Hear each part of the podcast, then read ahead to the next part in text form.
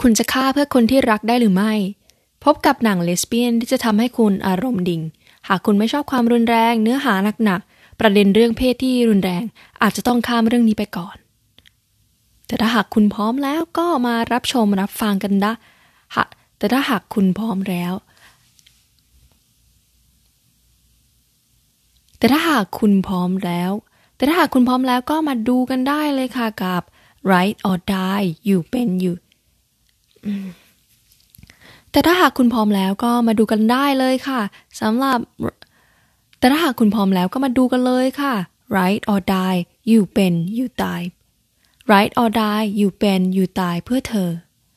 มาดูกันในส่วนของตัวละครเอก มาดูกันในส่วนของตัวละครเอกกันก่อนนานาเอกเธอมีอดีตที่มืดมน มีฐานะที่ยากจน แม่ก็ทิ้งไป พ่อก็ทำร้ายร่างกายเธอเสมอ หวังว่าสักวันหนึ่งจะมีครอบครัวที่แฮปปี้เมื่อได้แต่งเมื่อได้แต่งงานไปสามีก็ดันโรคจิต ชอบใช้ความรุนแรงซะงั้น ชีวิตของนานาเอะดูเหมือนจะไร้ทางออก แต่ก็ยังมีแสงสว่างในชีวิตเธออยู่บ้าง นั่นคือเรสาวเลสเบี้ยนที่หลงรักตัวเธอเองมาตลอด เรเรเป็นหญิงสาวที่มาจากครอบครัวที่มีฐานะ ธอมีทุกอย่างเพียบพร้อม หากแต่ว่าต้องบิดบังความจริงกับครอบครัวเรื่องที่ตัวเองนั้นชอบผู้หญิง เลหลงรักนานาเอะมาตั้งแต่สมัยเรียน หากแต่เป็นการรักข้างเดียว เพราะนานาเอะนั้นไม่ชอบผู้หญิง แม้จะรู้อย่างนั้นเลก็ยังรักนานาเอะแม้จะรู้อย่างนั้นเลก็ยังรักนานาเอะหัวปักหัวปั๊มทั้งเปย์ส่งเสียเลี้ยงดู ทั้งเปย์ส่งเสียเลี้ยงดูทำทุกอย่าง support นานาเอะทำทุกอย่าง support นานาเอะที่ทางบ้านเนี่ยยากจน ในท้ายที่สุดทั้งคู่ก็ต้องเติบโตไปตามเส้นทางของตัวเอง ในท้ายที่สุดทั้งคู่ก็ต้องเติบโตไปตามเส้นทางของแต่ละคนเรเรเองก็เหมือนจะทำใจได้ เธอได้แต่เก็บความรักที่มีต่อนานาเอะไว้ในส่วนลึกของหัวใจ และ move on ไปใช้ชีวิตของตัวเอง ส่วนนานาเอกก็โล่งใจที่ได้หลุดพ้นจากทั้งครอบครัว แล้วก็หนีจากเรไปเริ่มต้นชีวิตใหม่กับสามี แล้วเรื่องราวความดราม่าน้ำตานอง มันก็เริ่มหลังจากนี้ค่ะ ฉากแรกของหนังเปิดมาให้เราเห็นเป็นฉากที่เลเนี่ยกำลังมีเซ็กส์กับผู้ชายคนหนึ่งแล้วเธอก็ตัดสินใจฆ่าเขาอย่างไม่ลังเล เธอเดินออกมาจากสถานที่เกิดเหตุอย่างไร้จุดหมายราราวกับว่ารู้ชะตากรรมว่าตัวเองเนี่ยสุดท้ายจะต้องโดนตำรวจจับ เธอโทรไปหาเธอโทรไปหานันนาเอกว่าได้จัดการฆ่าผู้ชายคนนี้ไปเรียบร้อย คนคนนี้ก็คือสามีของนานาเอะนั่นเอง ภาพย้อนให้เห็นกลับไปถึงชีวิตที่รับภาพย้อนให้เห็นกลับไปถึงชีวิตที่เรียบง่ายของเล มีแฟนสาว มีบ้าน มีการงานที่ดี แต่แล้วเสียงสด แต่แล้วเสียงโทรศัพท์ที่จะเปลี่ยนชีวิตเธอไปตลอดกาลก็ดังขึ้น นานาเอะที่ไม่ได้พบเจอ นานาเอะที่ไม่ได้พบเจอกับคนรักมาสิบ นานาเอะที่ไม่ได้พบเจอ นานาเอกที่ไม่ได้พบเจอกันมาเป็นสิบปี โทรชวนให้เรไปเจอกัน การพบเจอกันครั้งนี้ นานาเอกก็ดันรุกใส่เลเหมือนมีจุดประสงค์บางอย่าง เลได้เห็นสภาพสะบักสะบอมของอดีตคนรักจากการที่โดนสามีซ้อม เธอปวดใจมากๆ นานาเอกจึงพูดลอยๆว่า ถ้าอย่างนั้นนะ ก็ฆ่าสามีเธอให้หน่อยสิ แค่ประโยคเดียวมันก็เปลี่ยนชีวิตทั้งคู่ไปตลอดกาล ภาพตัดมาที่ปัจจุบันนะคะ นานาเอะตัดสินใจขับรถมารับเล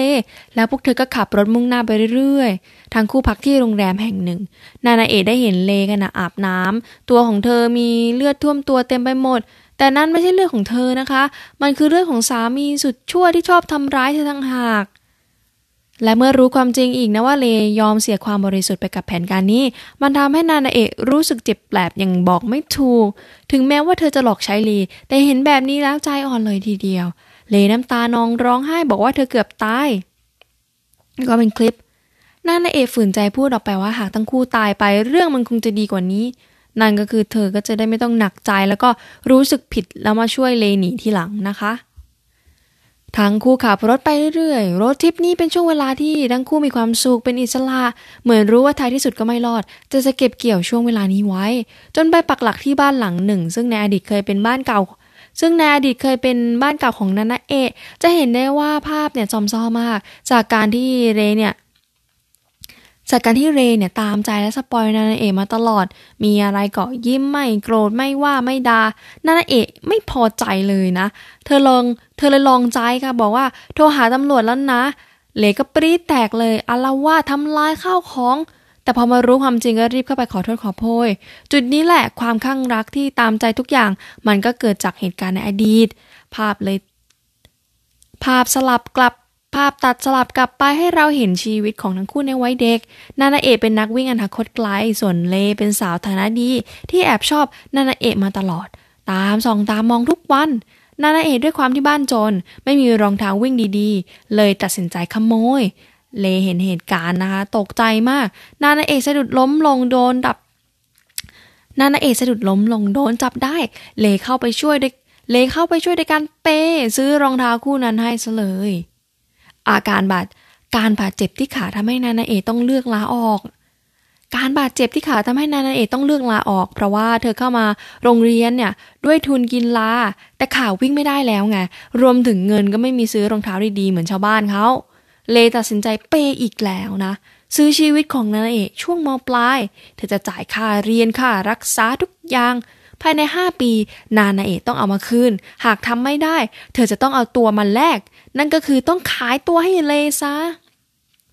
ความคลั่งรักนี้มีมาตั้งแต่สมัยเรียนเลยทีเดียว มาดูกันในเหตุการณ์ปัจจุบันต่อนะคะ เลใช้เวลาในการครุ่นคิด เลใช้เวลาในการครุ่นคิด ทั้งเหตุการณ์ที่โดนลองใจนั่นนี่ เธอจะสินใจจะมอบตัวกับตำรวจพรุ่งนี้ แต่พูดไปนะคะ นานาเอกก็ดันหลับซะก่อนนะ อ้าว เช้าวันต่อมาดันมาเจอตำรวจจริง เช้าวันต่อมาดันมันเจอตำรวจจริง ๆ ทางครูรีบวิ่งหนีและขโมยรถมอเตอร์ไซค์แถวนั้น ขี่ออกไปเรื่อยนะคะ เงินทองอะไรเนี่ยทิ้งไว้ที่บ้านนั้นหมดเลยนะรีบออกมานะทางคู่ก็แวะมาร้านข้าวเดทกันชิวๆแต่ในช่วงเวลานั้นตำรวจก็ตามสืบคดีฆาตกรรมของสามีนันเอะคืนเป็นข่าวใหญ่โต เลเห็นแล้วรู้สึกแบบไม่ดีมาก แอบไปร้องไห้ในห้องน้ำ ตาลุงคนขับแท็กซี่ก็เข้ามาพูดคุย เห็นความผิดปกติที่นันนาเอเนี่ยมีรองเท้าอยู่ข้างเดียวนะคะ เพราะว่ารีบหนีตำรวจมาไงโดยความเอ็นดูว่าสองสาวต้องหนีความยากลำบากในชีวิตมาแน่ๆ เลยพามาส่งสถานีรถไฟทำให้คืนนั้นสองสาวต้องนอนที่นั่น ฝนก็ตกอีกชีวิตระทมจริง เล่เหมือนคนไร้จุดหมายที่รู้ชะตากรรมของเลก็เหมือนคนล่องลอยไร้จุดหมายที่รู้ชะตากรรมของตัวเอง เธอก็ไม่อยากให้นานาเอเนี่ยมาซวยไปด้วย คิดยังไงก็คิดไม่ตกเหมาะคิดยังไงก็คิดไม่ตกมองไปทางไหนก็เจอแต่ทางตัน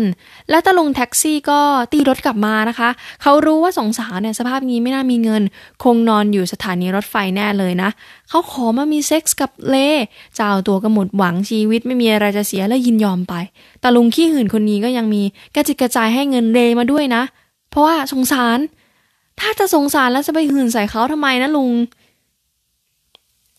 ถ้าจะสงสารแล้วจะไปหื่นใส่เขาทำไมเนี่ยลุง เลโทรเลก็เลยโทรกลับไปหาแฟนสะ เลก็เลยโทรกลับไปหาแฟนของตัวเองนะคะ ซึ่งรู้ว่า ซึ่งตัวแฟนสาวนี่ก็รู้ดีว่าตัวเองโดนเทแล้วนะ เพราะว่าจู่ๆเลก็หายไปไม่บอกกล่าว เป็นฉากที่เศร้ามากค่ะ เพราะว่าเรเนี่ย แม้จะห่วงใยตัวแฟนคนนี้ แต่จิตใจของเธอจริงๆเนี่ยก็ยังรักนานาเอะไม่เสื่อมคลาย และและคุณแฟนเนี่ยและคุณแฟนเนี่ยก็รู้ความจริงในจุดนี้ดี เป็นการเป็นการบอกลาครั้งสุดท้ายของทั้งคู่ค่ะ เงิด เงินก้อนนี้ทำให้สงสาได้ตีตั๋วรถไฟไปยังบ้านเก่าของเล ได้มีช่วงเวลาที่ผ่อนคลายกันแป๊บหนึ่งนะ ได้รู้เรื่องครอบครัวของเลว่าไม่ยอมรับในตัวเธอทำให้เธอต้องแกล้งคบผู้ชายครอสามอีกนะ พี่ชายก็ดันมาเจอ เพราะว่ามีคนไปแจ้งว่ามีคนแอบเข้าบ้าน มากันพร้อมกับพี่สะพ้ายเลย ทุกคนก็ได้รู้ความจริง ว่าทั้งคู่หนีคดีฆาตกรรมมา พี่ชายรับไม่ได้ค่ะ อยากให้น้องไปมอบตัว สถานการณ์เริ่มตึงเครียด นานาเอแอบหยิบเอาใบเสร็จแล้วก็เศษเงินที่ เธอเคยได้สมัย ก่อนมาดูนะ ไอเศษเงินนี่แหละมันก็คือ เงินทอนเมื่อตอนที่ มันก็คือเงินทอนสมัยที่ไปกินข้าวกับ มันก็คือเงินทอนสมัยที่ไปกินข้าวครั้งสุดท้ายกับเล เมื่อตอนที่เธอมอบเงินคืนให้กับเลนั่นเองค่ะ ไอการแชร์กันจ่ายค่าอาหารเนี่ยมันทำให้เลเนี่ยรู้สึกเท่าเทียมกับไอจาไอการไอการแชร์การจ่ายค่าอาหารเนี่ยมันทำให้นานาเอะรู้สึกว่าตัวเองเนี่ยเท่าเทียมกับเล แล้วก็ไม่มีอะไรติดค้างอีกต่อไป เป็นอิสระในชีวิตเหมือนเป็นเครื่องเตือนใจนะคะว่าเลได้มอบชีวิตใหม่ให้กับเธอ แต่การตัดสินใจที่จะรีบหาสามีแต่งงานไปเนี่ยมันกลับเป็นจุดเริ่มต้นของจุดจบนะคะ เลเข้ามาเคลียร์กับนานาเอว่าตัวเองจะรับผิดแล้วก็โบยว่าตัวเองเนี่ยเลเข้ามาเคลียร์กับนานาเอะว่าตัวเองจะรับผิด แล้วก็สารภาพว่าลักพาตัวนานาเอะมา นานาเอะไม่พอใจค่ะไหนบอกจะหนีไปด้วยกันงั้นก็ไปหาตำรวจเลย เธอก็ตัดพอนะทั้งครูทะเลาะกันค่ะ เลก็แซนะ ก็เพราะว่าถ้าไม่มีเธอเนี่ยนายนานานานาเอกก็คงจะเหงาแล้วสิ แล้วทั้งคู่ก็ตีกันนัวเลย ด้วยความที่มีอะไรในใจก็ไม่คุยกันตรงๆไงมัวแต่ตัด มัวแต่ตัดพ้อก็เลยต้องทะเลาะกันเป็นเรื่องเป็นราวจนพี่ชายต้องเข้ามาห้าม เลยก็โทษว่านันนาเอเนี่ยเป็นคนที่น่าสมเพชส่วนนันนาเอก็ด่าไปนะคะว่าเพราะเรเนี่ยดันไปฆ่าสามีตัวเองจริง ๆ ไง เรื่องมาถึงวุ่นวายตีกันไปตีกันมานานาเอกก็ตัดสินใจจะมอบตัวพร้อมเลนะคะ เธอรู้สึกเสียดาย รู้งี้ไม่น่าชวนขึ้นรถตอนฆ่าสามรู้งี้ตอนนั้นไม่น่าชวนขึ้นรถมาเลย ไม่งั้นเธอก็รอดตัวละ เลเลยถามเลยค่ะว่าทำไมทำแบบนั้นล่ะ เลก็เลยถามค่ะว่า แล้วทำไมตอนนั้นถึงช่วยเธอล่ะ นานาเอกก็บอกว่าเธอน่ะสงสารไงล่ะ ถ้าไม่มีนานาเอกเลจะอยู่ยังไง เธอก็รู้ดีว่าตัวเองมีอิทธิพลกับเลแค่ไหนนะ รู้ว่าเขาเนี่ยคลั่งรักตัวเองแค่ไหน เลเนี่ยเจ็บเจ็บแปลบเลยเจ็บเลเนี่ยเจ็บแปลบเลย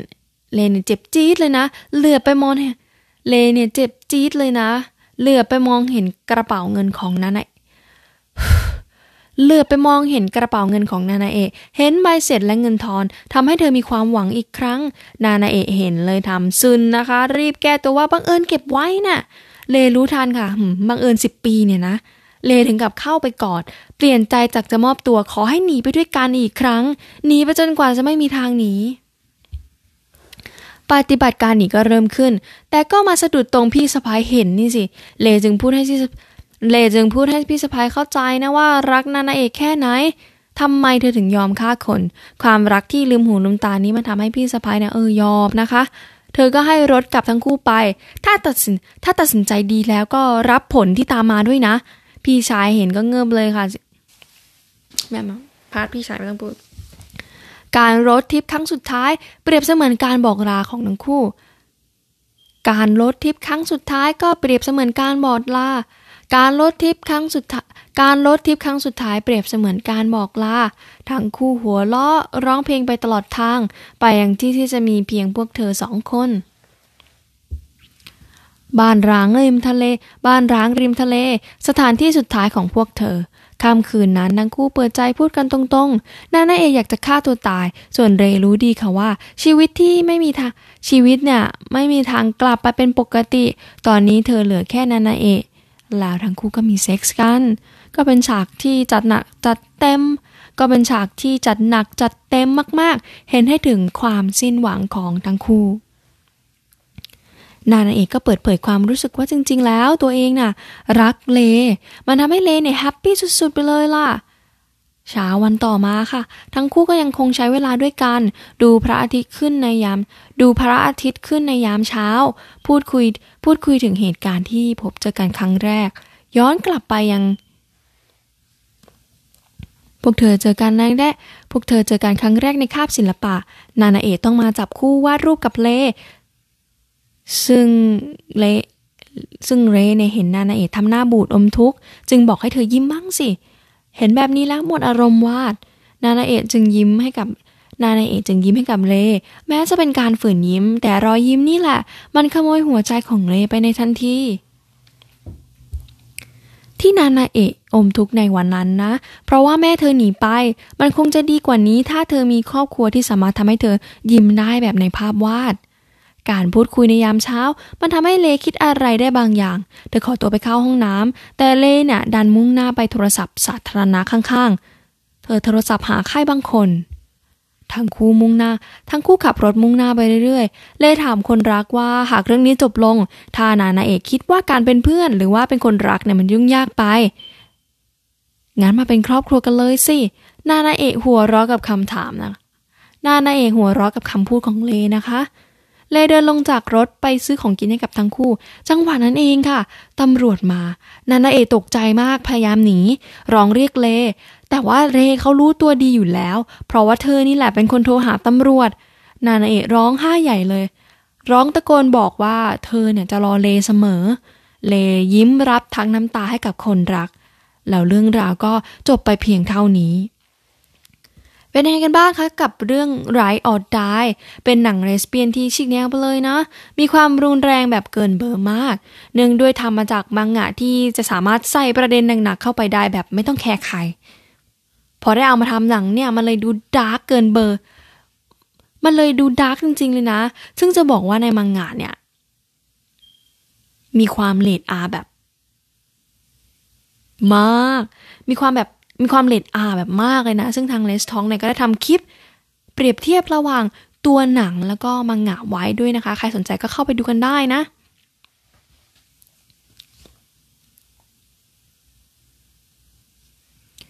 สองคนนี้ก็เลกับนานาเอเนี่ยก็มีความสัมพันธ์แบบหืมวุ่นวายมาก ไม่ค่อยดีเท่าไหร่เลยนะ แต่ก็พยายามประคับประคองกันไป ไม่ใช่ตัวอย่างที่ดีในเรื่องความรักเท่าไหร่เลยนะคะ แล้วเพื่อนๆเนี่ยชอบเรื่องนี้กันไหม ก็มาคอมเมนต์เข้ามาคุยกันได้นะคะ ยังไงก็ต้องขอขอบคุณทุกคนที่ติดตามรับชมรับฟังนะคะ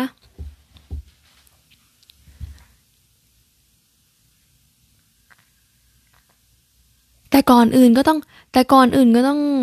แต่ แต่ก่อนอื่นก็ต้อง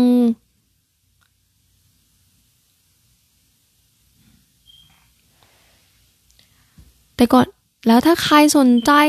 แล้วถ้าใครชอบเรื่องนี้นะ แล้วถ้าใครสนใจติดตามเรื่องนี้นะคะก็